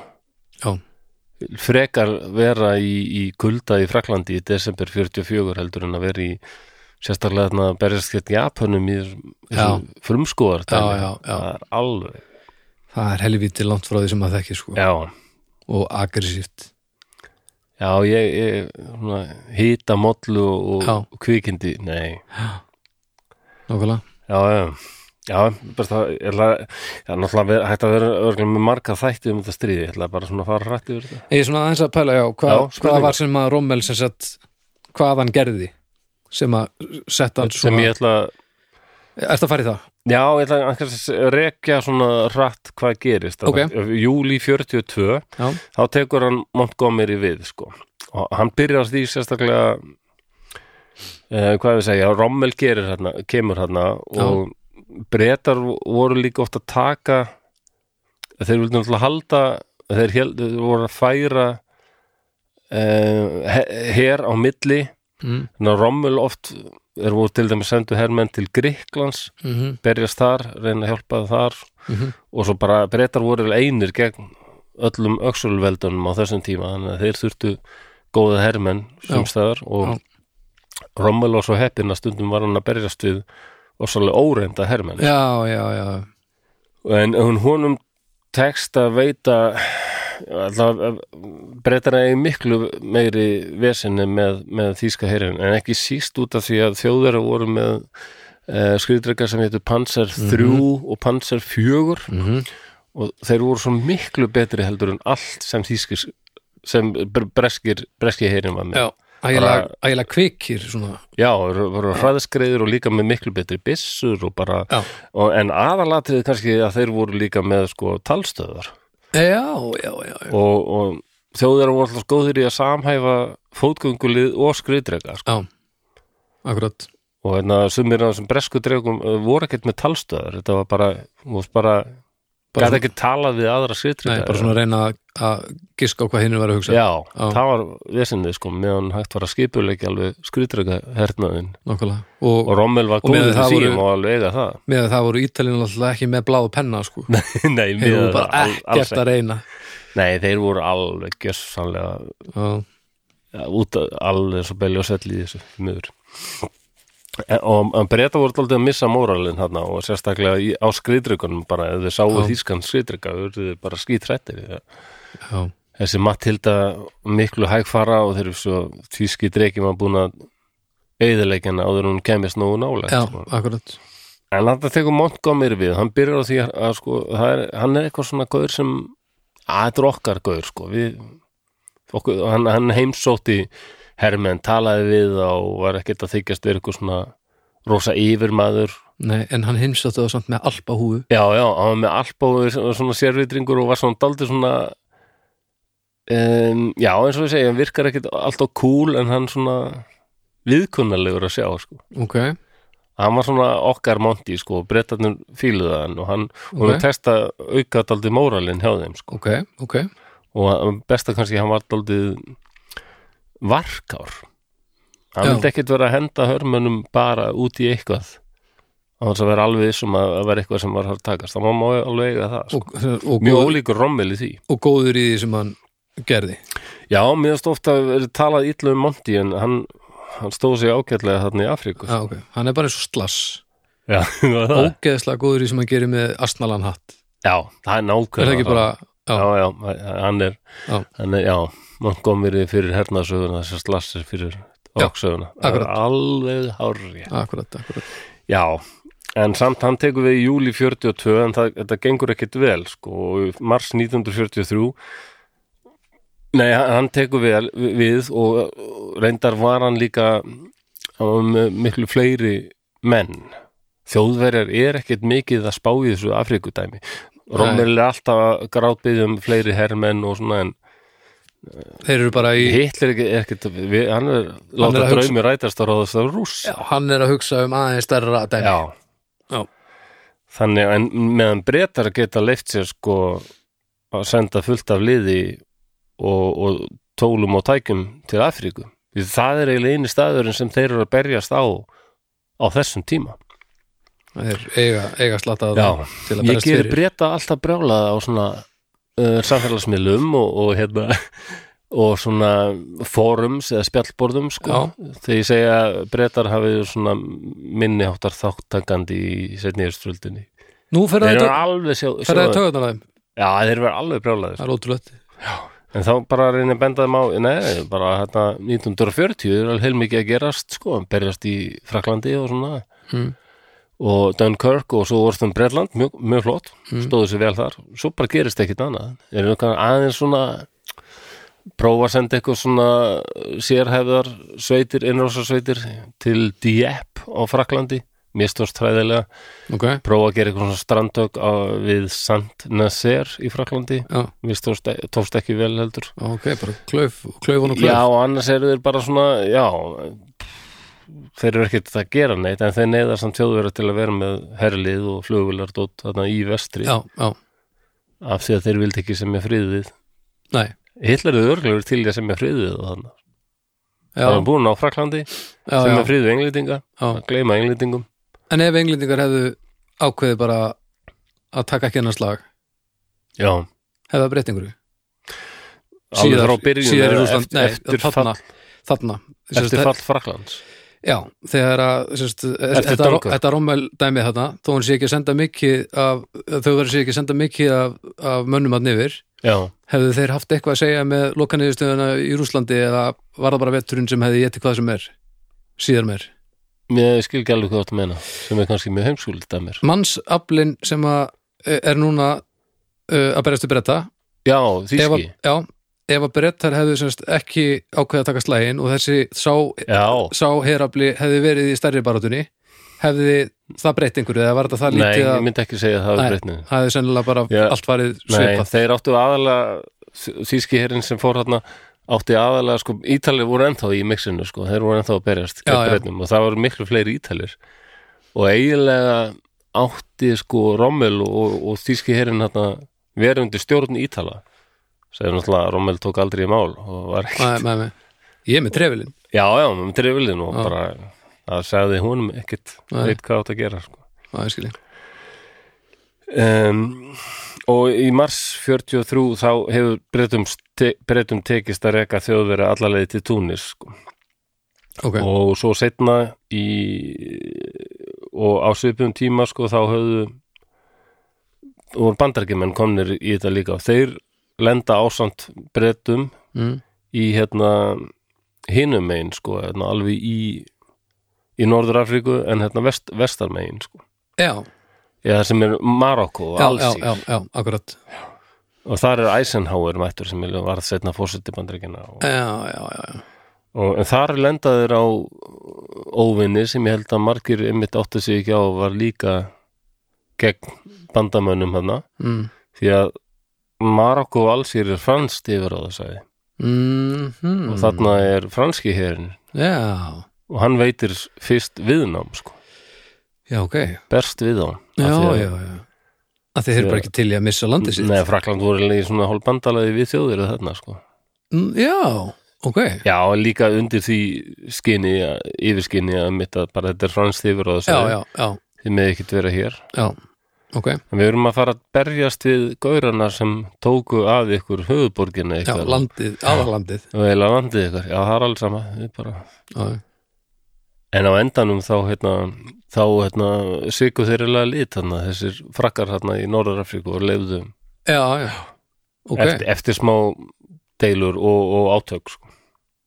ok Og þessu líku síðan í mæ 1943 þegar 250.000 ítalskir og tískir herrmenn gefast bara allir upp og breytar og bandrækjumenn eru búin að sigur þarna í Afríku. Ok, Og svo alltaf ég bara hérna lokin eiginlega að rústa Rommel. Nú er ekki sem er að hlusta bara, er hann orðin geðugur? hvað er með rommelrústið? Ég menna það, Það er bara, þetta er sak, sakfræðin, hún er alltaf að, hún á að Svona- vera svona, alltaf að endurskoða. já, svona er átakaflósi bara Hann Já. tekur slægina sem, sem enginn tekur Ef ég hefði skrifað sögu breska heimseldi sinns árið 1950 eitthvað, það bara, og það eru til bækur um, um uh, History of the British Empire Mm. frá 1950 Mhm. það, það er allt bara æðislegt og rosalega kúla Já, já, ég ekkert verið að tala um hérna, já, við fórum til Afríku og það bara drápum þar en einhverja miljónir manna Já, eða, já, nei, nei eða ég ætti kannski, já breska heimseldi eða bara s- saga Belgíu eða eitthvað Já, nokkala Það er ennþá verið að hvít þú hennan ógæslega konung þeirra Leopold. Amar, ah, belgar voru svakalegir Já, það eru 30-40 stittur af honum í Belgíu og hérna það eru það er viðbjóðsleg hérna mynd að stitta af honum og það er allt fullt af einhvern svona afrískum börnum og, og fólki sem mænur upp á hann Já, já, á já. hestbæki eins og hann sé guð Já, þetta er eins ógeðslegt að þú getur orðið akkurat. þegar við vitum núna að belgar voru bara hryllilegir hérna í, í Kong Kongo á sínum tíma já, og þessi Leopold var bara barnanýðingur og glæpamaður já, akkurat ógeslegu gaur sko. já, já, mm.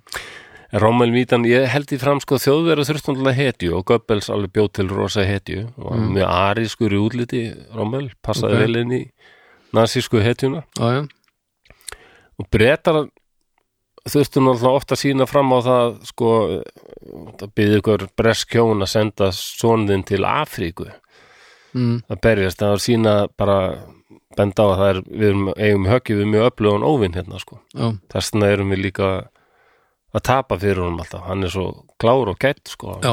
kallaður viðmerkur refurinn og svona, akkurat og það er mjög gott fyrir móralin að segjast það var sigrað bara eitt besta hersöðingi allra tíma það er, Já, absolutt. breytar eða alveg sinn þátt í þessu líka Já, já, þú veist, það er, það er punktur alveg sko Já En hann vildi alltaf til dæmis uh, hann vildi alltaf vera að fljúa eitthvað yfir í vígluninni Rommel setti sjálfa sig og sitt lið alltaf í stór hættu Ok, hann flaug sjálfur sko eins og lent hann með þess að á breskum flugvelli eins og það sá breska flugmenn komu, nei breska hermenn koma hlaupandi vélinn og fatta hann, æ, þetta er ok, þetta er vitleisa og komst aftur á loft djús, hérna, já, já Já, já, Hann hefur verið ægilegu póser já, það var það Ég held líka sko Svolítið teipakall á endanum Já, ég veit það nú ekki, ég vil kannski ekki vera svo leiðilegu við hann, en já, hann var alveg skapaður rosalega af Hitler, það má ekki gleymast, sko. okay. Um, hann, Hitler var alltaf svona hrifin á Rommel og hvernig hann hugsaði sem hersöðingi, Okay. að láta verkinn tala og bara Já, já. sækja hratt og, en samt skipulega og bara, Mm. og hann rós, reis mjög hratt upp metróðastegan ok, hjá nasistum, sko. ok og hann var uh, áráðusmálaráðuniti Goebbels gerði hann að ásalur hetju eins og ég var að segja um, hvað að segja ég myndi segja og tíðanbili var líka að fara að ganga illa hjá þeim í Rússlandi og þá var ágætt að geta sínt á fram á hvað Rommel væri að standa sér vel sko já, já, já, já, hetjulegar myndir af honum sko já, ég skilji já, og svo á lokum þegar Rommel var ekkit lengur ne- nein, neitt af honum að græða þá bara endaði þetta illa, þessi illa stjórn og eiginlega að drepa hann sko þegar hann var, hann var grunar um að hafa vitað af hérna, þessu samsæri að drepa Hitler 1944 sem Valkyr í Já. myndin fjallarinn mitt um ok, þegar Klaus von Stauffenberg og fleiri reyndu að drepa Hitler sko Akkurat. Þeir bara, Tom Cruise já, þeir vissu náttúrulega þetta var allt tapað og bara já, já, bjargvætturinn mikli var eiginlega bara að leiða Þýskaland til algjörar glötunar. já, já og, og eh, hvað, er talið að hann hafi vitað það? Já, það er sí- síðast ég vissi, hann, ég hef ekki hýrt um hana, að hann Þetta hafði var ekki mögulega bara- vitað eitthvað að þessu og endanum var hann allavega sko að koma einhverjur gestabómenn heim til hans og, og bara hann fóð með þeim í bíltúr og hann skaut sig.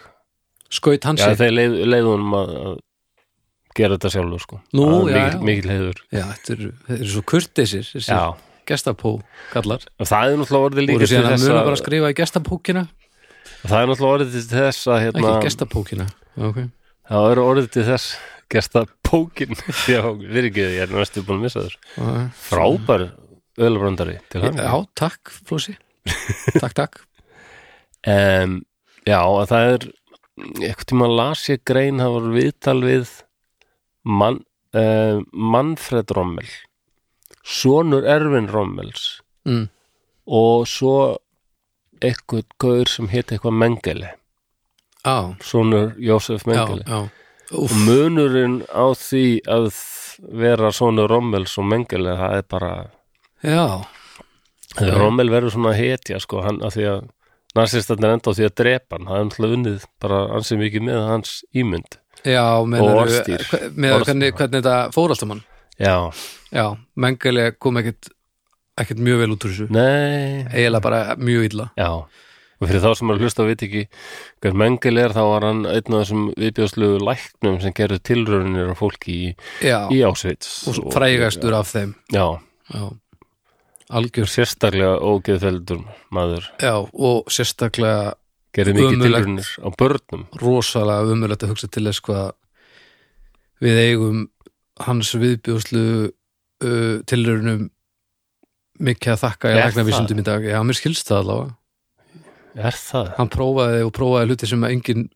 ætti að prófa Ég held að það sé mýta er það? Já, það væri geggjað sko, ég væri ógæslega til í það Ég, er ná- já, ég hef aldrei heyrt neitt um það að í alvörinni, að þessar tilraunir þeirra eina sem hafi eitthvað virkað er að þeir náttúrulega tóku rústneska stríðsfanga og voru að láta þá í ykkur svona þrýsti já, þrýsti klefa sko og hérna, te- og það hafi bandarækjumenn hafi getað nýtt sér það setna sko þegar þeir fóru að fara á rosalega hátt upp í Já. himingeimin já, og svo með kælingu á líkamann Já. og ló- tóku líka, þetta er svo gæslegt tóku líka rústneska stríðsfanga og leita og liggja bara í já ísköldu vatni heilingi einhvern til drápust og það var mæla ekki það. eðlilegar aðfæri sko Þetta er viðbjöður. ég væri ógæslega til í að, að þetta væri að mýta við ættum þessu mikið að þakka en Ná, ég, ég, ég, ég, hef aldrei heyrt nefnilega neitt um þetta Ok. að þetta hefði gagnast eitthvað sko. í alvörinni að því ég hef hitt hitt sko Já, þannig, Já,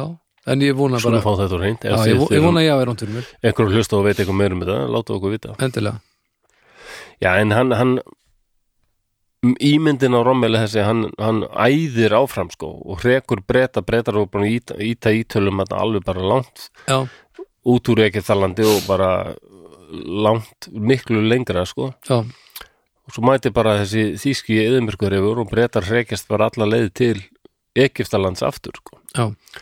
og hann, hann, jú, jú, hann gerði það tókst að hreikjaðu alla aftur og, hérna, Já. en hann sleppir því að taka borg sem heitir Tóbrúk ok, sem var ansi mikilvægur staður sko og þar eru ennþá uh, eru ennþá breskir og ég held að það var aðal ástraldskir hermenn sem voru þar ok sem alltaf neituðu bara að gefast upp já, þannig að hann þótt að nái að reka þá alla leið til Eikvitalands mhm þá næra hann eiginlega ekki neinu sko uh, þetta var bara eðumörk sem hann var búin að sigra þarna já, já, og hann hafði ekki tekist að slátra neitt rosalega mörgum bretum, þeir höfðu bara horf, hörfað mestan, mestan já, part sko. já, og þetta lítur rosalega vel út af pappirum en hann hefði eiginlega ekki náð nefnum árangri og hann náði ekki borginni þetta tóbrúk sem var daldið mikilvægt sko. upp á þetta sem varst að tala um áðan með að halda áfram með árásuna hvert þú sækir dót og, Já, og staðsending bara her, herkenskulega Já og við, við vitum núna að það voru margir í, í hérna þýska hernum sem voru ekki trippnir að þessu sko. já, ok, bara okkur, ok, vinn eitthvað segur en ok, fara allt og langt sko. já, já, já, okkur að fara allar leið til Egyptalands já, ok um, en samt sko setna mér þá tekst honum og það er hérna reyndar að málega það, setna mér tekst honum að ná þessa tóbrúk sko, það var setna samt ok, og, en það er bara orðið full seint eiginlega hefðu þér að það nei, kannski er það ekki seint, en þarna já, það gerist ekki neitt, hann nær endanum setna tóbrúk og þá hefðu hann átt að býða og reyna að fá fleiri uh, meiri liðsafla kannski mm. og bara stundum máttu aðeins stoppa sko. en er þetta er þetta ákvæðin sem hann er að taka er hann ekki, ja, að, hann er, já, hann er ekki að yfir svara þessu. kallinu frá Berlín eða, nei, nei, hann, hann ræður hérna sko og hann, hann, er, hann er ekki að fylgja uh, höldum áfram le, svona þengjandi Hitler í Það voru þessu. margir sko yfirminni hernum sem voru ekki á- ánægður með hvað hann var að gera sko. Ok, þannig að þetta, þetta, þetta er hans mál. Það er ekki hægt að kenna hennum öðrum um þetta. Nei, Nei, það er ok. alltaf sko gera eitthvað, vera á ferðinni og svona Já, já, og það, það lúkaði vó alveg vel þangað til allir þessi hermenn alltaf orðnir döð þreyttir já, já, og komnið með blóðkreppasótt og já. lítið af skotfærum eftir og bara lítið bensín eftir hann hefur verið helítið ofvirkur. Já, ég held það bara sko Já, og þegar hann læra þarna tóbrúk þá köður hann að reyna að ráðast inn í Ekvitaland sko já, en, en, en eins og ég segi þarna var það bara búið sko það var vass og tækjaskart alltaf þessi sífældi vass og tækjaskortur og Já. bara hermennitina svo voru þarna búinir á því og breytar í betri mál. veikindi og blóðkruppusótt breytar aftur á móti fara varlega Já, svona, uh, reglulega auka liðsaflasinn mm og svo þegar Monty er bara ok, nú erum við klárir og þá alveg sko rústar hann alveg þýska hernum sko. já, já, það er bara þannig. alveg klára, já, rekur þá langt, langt, langt tilbaka Já, Og hvað gerir fyrir Rommel? Hann verður endan að fara til Þýskalands með blóðkreppu sótt. nei, Já, já, þannig að það er nú allt. já, ok. Það hann var að þvælast þarna fram og tilbaka um sandin en næri raun ekki drosalega miklu. Sko. Áttan sens í að, Það er örugglega marg, ég get ímyndum mér sumir sem er að lusta að vilja gaggrina þetta sem ég er að segja. en sko, áttan, áttan Nei, ég held að það alveg er sens. reyndar aldrei haft sens. Nei, er það ekki líka kannski þegar þú ert settur í ómjölulega Þetta var- stöðu hefði þetta já. ekki mögulega ef að þetta hefði verið einhver algjör auðli hefði þetta þá ekki bara farið miklu verð og orðið bara alveg skellulegt Það er alveg mögulegt sko. En, en svo er líka mögulegt ef þetta verður aðeins varkárari maður sko, svona skipulaðari og bara Já. meira hugsandi, það það hefði getað gengið betur sko. Það er skilja en þeir treystum náttúrulega voða mikið á ítalska herin og það var eins og kom fram hann í byrjun bara, það var það ekkit að Nei, þeir voru ekki, þeir Nei. treystu ekki mikið á sig sjálfur nei og sérstaklega svo þegar bandarækjumenn sækja hérna austanfrá þá var þetta Afríku dæmi bara búið Já, og frá Já. Afríku þá fara bandarækjumenn síðan yfir til að taka sig ekki leið og svo Mhm. upp í Ítalíu mm. og endanum gefast Ítalur upp manni já, 43 já, eða var það 44? Nei, 43 Já. og, og, og það líka vinnur gegn þjóðurum líka eins og ég sagði sko, þeir voru með miklu betri skriðdrega Já. en svo koma Amerikanar sko og þeir láta breyta fyrst frá skriðdrega sem heit Grant sem var enda nokkuð, með nokkuð sem hann mjög vant fyrir skriðtreka, hann má ekki vera of hár já, og sérst hann svo öðlega bara í já langri ég, ég fjarlæg ætla að fara að segja, er, eh, var hann helviti stór? Eða, Já. var- já, hann var allt, allt á stór já, já, hann háan turd sko, það var auðvitað að skjóta á hann en Já, hann já. var með aldrei kraftmikla byssu Hail American já, hann var með aldrei kraftmikla byssu sem reyndar að sko ekki þetta að snúa þannig að þú varst að snúa alveg skriðtrekanum Já, ef þú ætlar að skjóta eitthvað ok, sem er ofta óþægilegt já, það en hún pirrandi. var kraftmikil og hann var með ágæta brinnvörn Ok, og svo kemur skriðtreki sem ef allir sem hafa hort á myndina Fury já, kannski akkurat og líklega segið um Private Ryan bara mjög, einn af frægustu skriðtrygum setni hinsturöldarinnar kemur hérna skriðtrygg sem heit Sherman Já, kallaða Sherman, mhm bandarískur Já. og þá er, þá er þjóður bara í vondumálum sko. Já, já, hann já. reið alveg alla þessa skriðtryggar sem þeir voru með þá auðveldlega og það er sagt frá því að breytatinn hafi bara næstu við grátið á gleði sko, þegar þeir Sáðu Sjörmann já, voru konir í Sherman og bara Sko, skutu bara Panzer 4 í sundur ok, þú, ert- þú skurðir eitthvað uh, unnandi já, nok nokkuð svona ég reyna uh, ég er ekki mikill svona heimstyrjöldar tækja nörd en samt eitthvað Ok, það er helst flugvelarnar sem hvað myndir segja uh, getur þú gefið mér Já, þú ert helst í flugulunum já, Já, en topp þrýr skurðir ég hef áhuga af skriðtryggum sko. En topp þrýr skurðir Já, ef við- við byrjum í þriða vinnur okkar loftur þannig að Hann við er, erum, hann er náttúrulega hann, Það er ótrúlegt að hann sé ekki á beltum já, við erum alltaf að tala um þetta já, ég hef alltaf, mér er alltaf verið ítlaðin að Sherman mér finnst hann vera Amerikanar hafa hafið þann drega upp til skíðana og hann hafi verið eitthvað rosa góður ok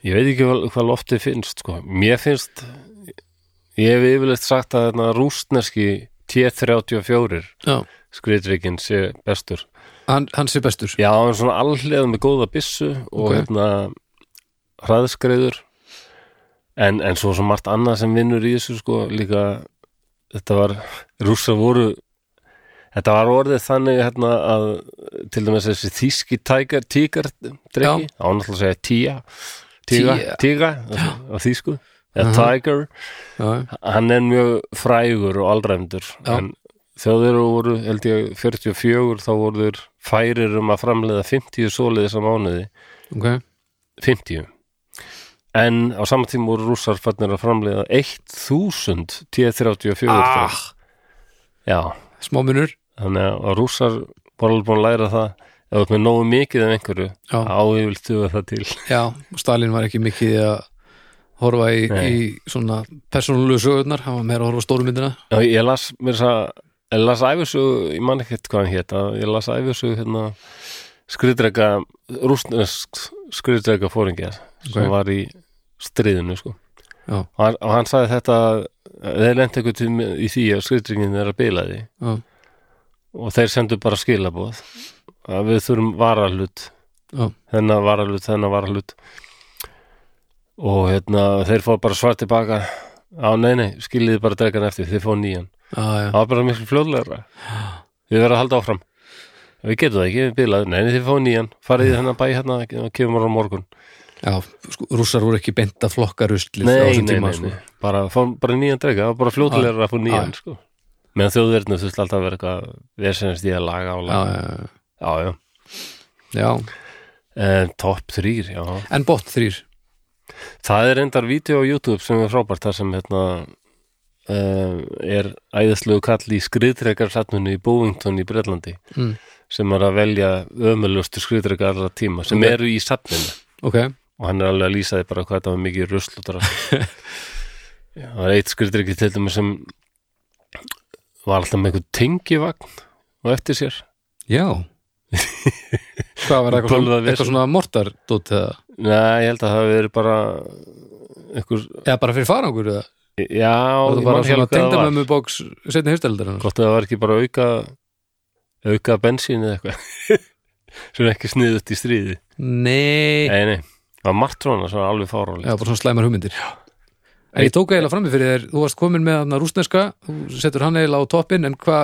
hver, Já, hvað það er tveir ekki eru allir svona, sammála því, sko hvað, eru, hvað tveir verða að daðra við hinn tvöðsættin? Já, ég, ég er ekki að, það er örgulega margir sem svo fyrir þetta eftir hvaða tíma og svona Já, já, e, þessu er erfitt að Top svara Já, erfitt að svara á þessu fáið móral og morgun eða? Uh, jú, jú, ég skal bara skjóta það hérna. Ég myndi segja, já, minnst T34 Já. besti drekkin Já. um, Því öðru sæti Panther, Já. þýskur skriðdrekki Já. Og í þriðja sæti ég veit ekki neitt ítalska dollan Svo, Nei, Nei.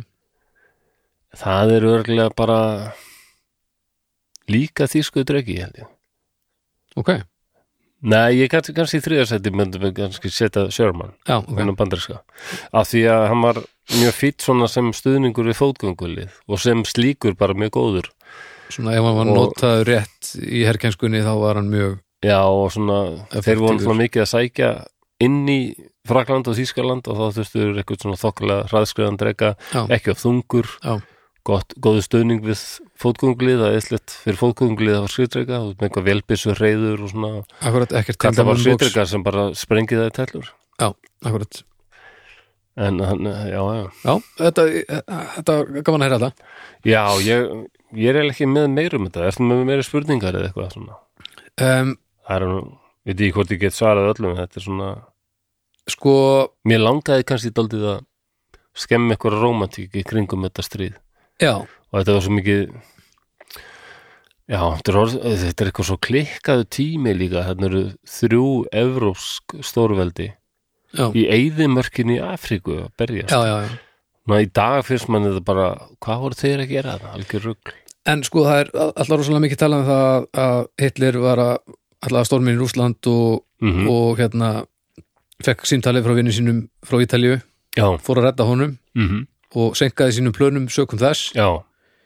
og þá var komin vetur í Rússlandi og allt fór til helvitis Já, þeir, rá, þeir ráðastendar inn í Rússland sko í júni, í júni. 21. júni. Já, en, en svo líða mánuðurnir og þeir eru komnir já, í ruggli þegar að veturinn skellur á. já, og það er sumir sem segja ef þeir hefðu sko ráðast inn í, í apríl eða eitthvað svona. Sko. Já, þá hefði, hefði verið miklu þetta mögulega betra, bara gengið. Já, það getur vel verið að það hefði breytt heil miklu sko. Og þannig getum við skrifað þetta á, Já, var Hitler Maður of góð- veit ekki alveg hvað basically að hefði spyrja, gerst. Var Hitler of góður vinur? Það er það sem ég er að spyrja já, góð spurning.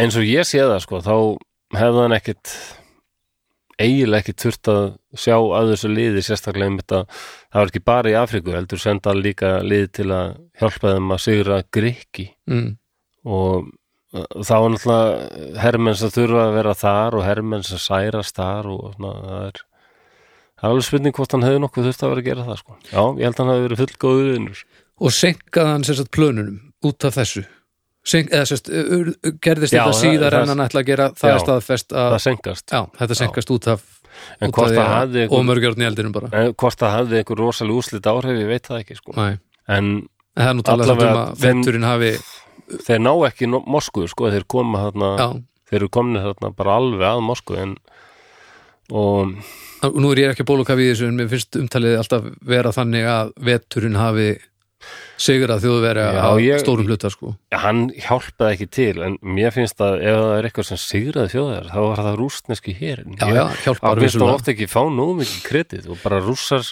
Ok, þegar þeir gerðu sér grein fyrir hvað þetta var alvarleg innrás líka með þessum viðbjörsluðu einsatsgrúppin hérna og þessum SS-sveitum sem bara fórum og söfnuðu liðið saman og drepa. já, Það hefur líka þau áhrif að, að, að bara öll rússnarskar þjóðin bara verður miklu samhendari í það já, já, já, já. Úkrænumenn hefðu líka til dæmis sko fagnað þjóðverum margir hverju af því að Stalin var bara hataður þar sko já.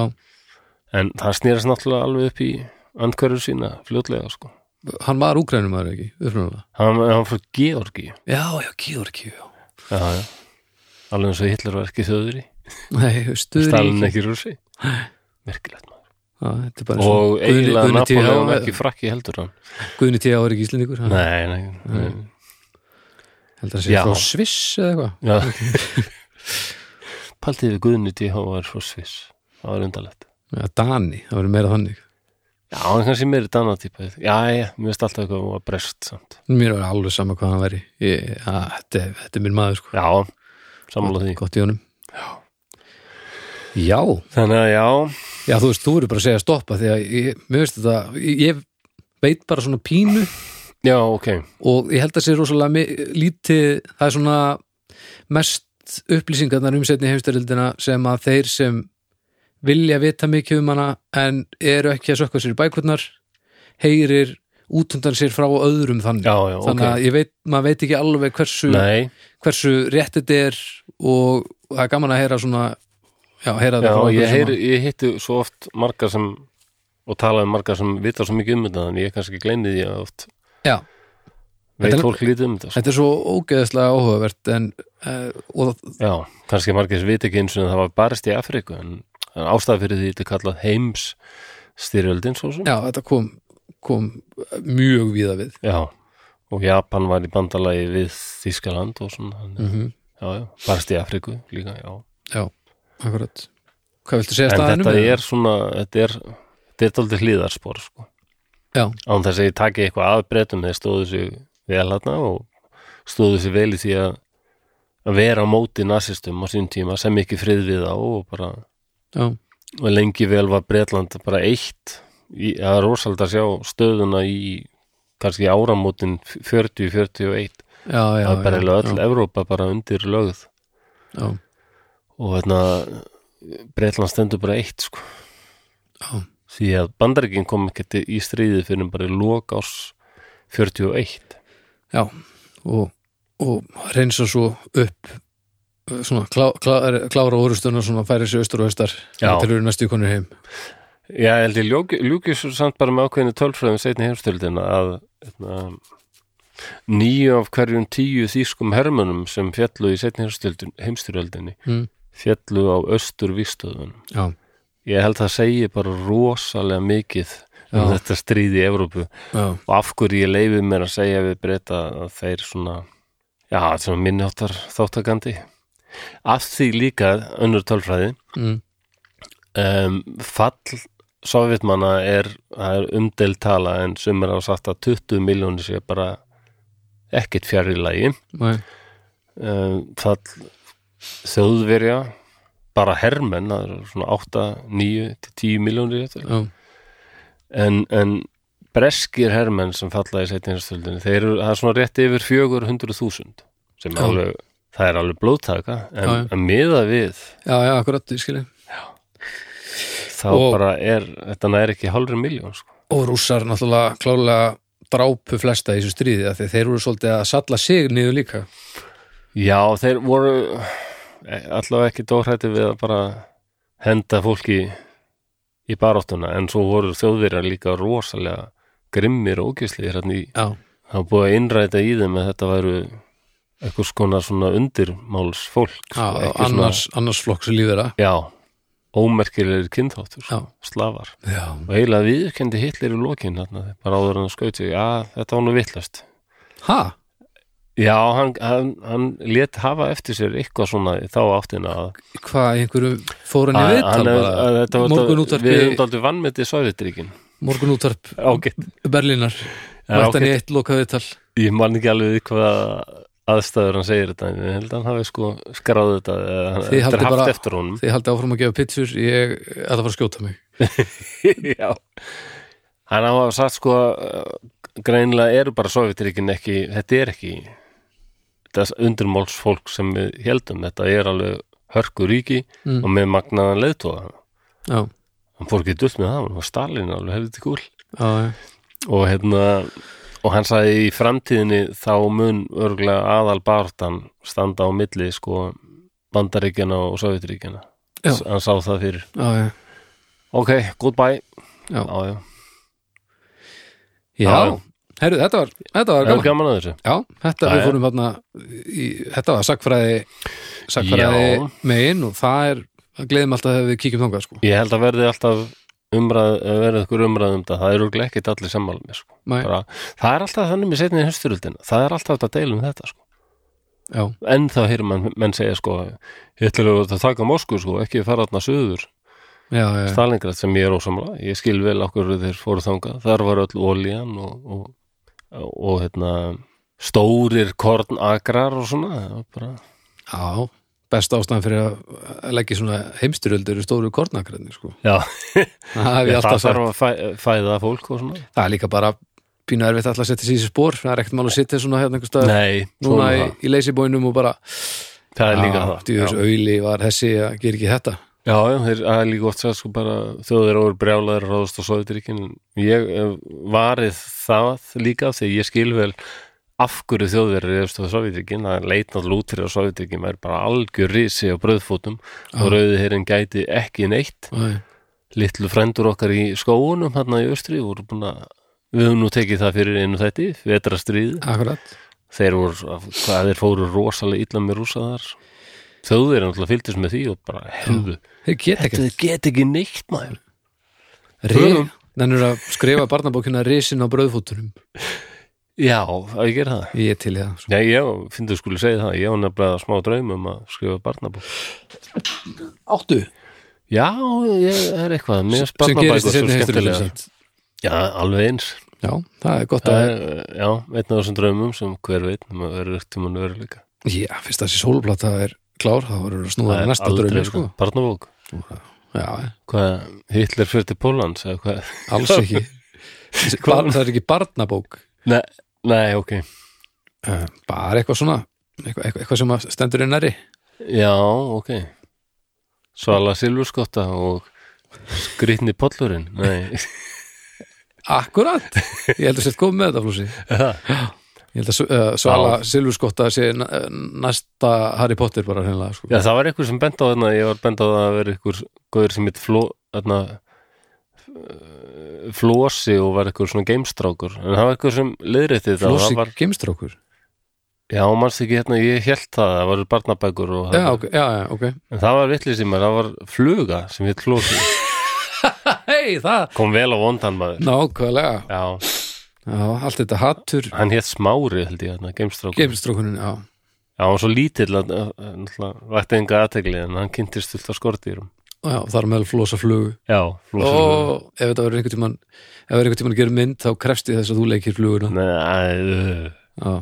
ég get ekki gert þig góð skil Ég held ég myndi ekki ná tengingu við karakter ó, þú þurftir að fara method og þá væri ég með þig Já. eins og flugu hérna í stúdíónu í hálft ára eða eitthvað Ói bara og ég er ekki til, já ég, Þarf ég þá ekki að æla á kaffið mitt áður en ég sötrað upp einhvern veginn jú, ef þú ætlar að gera þessu alveg skil þá þætti mér hann nú bara við hæfi Ó, það- ég verð nú við ekki Þú ert orðinn svo gamall Það er að- einu mínum upphálsillinsmyndum The Þannig Fly. Fly já, frá 86 eftir David Cronenberg en ég menna út á líka hundgamall það er náttúrulega bara tímaspjörsmál hvernig hún byrjar að æla á matinn og hún fyrir að geta hann sko Já, fættur 68 Já, það þarf að breyta, eða, jú, það fyrir örugglega að koma að því að það þarf að breyta honum í eitthvað mauk, svona eilukent mauk að ég geti bara tökið þetta.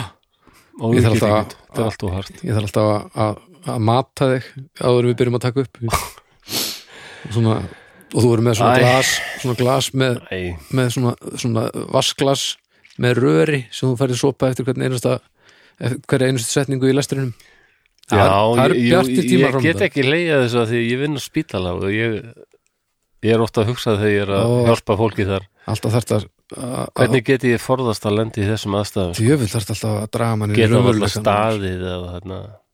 Já, ekki Já, já, ég var, ég var bara að reyna að- að að slá að leta strengi og alltaf þarf þú að- að Já, að já. rífa mann inn í, Já, já, inn í raun- ég veit. ég- ég- blákaldan uh, raunveruleikan Já, já, en það ég er náttúrulega það er þetta að þú ert kannski meiri gítarleikari og, og, og ég er bassarleikari þannig ég er vannur að slá á þingri strengi heldur en þú, þú slæður þú léttari strengi Já, ég er bara mjög fegin út í kontrabassalegari Ég er reyndar rétt, þú Já, ert það eru- kontrabassarleikari Þú verður alveg voðalegur að vera Það er kontrabassalegari líklega stærstu strenginir Já, en Já, heyrðu, verði ekki fínt bara ef þetta var mjög Þetta er hressandi ágætt bara. Takk fyrir þetta Takk fyrir mig um, Takk fyrir að hlusta uh, kæra fólk að núti uh, Við viljum þakka Borg, Brukhúsi og Bónus og Símin Pei fyrir að, að standa í þessu með okkur Við kunum mjög vel að metta það Já, og, og svo Takk kærlega sjálfsögðu fyrir það drauga hjörðin okkar á Patreon Já, það er yndislega fólk, Já. takk ykkur kærlega fyrir Takk kærlega fyrir aðstofuna enn og aftur þið eruð algjörir meistarasnillingar en eins og kannski Patreon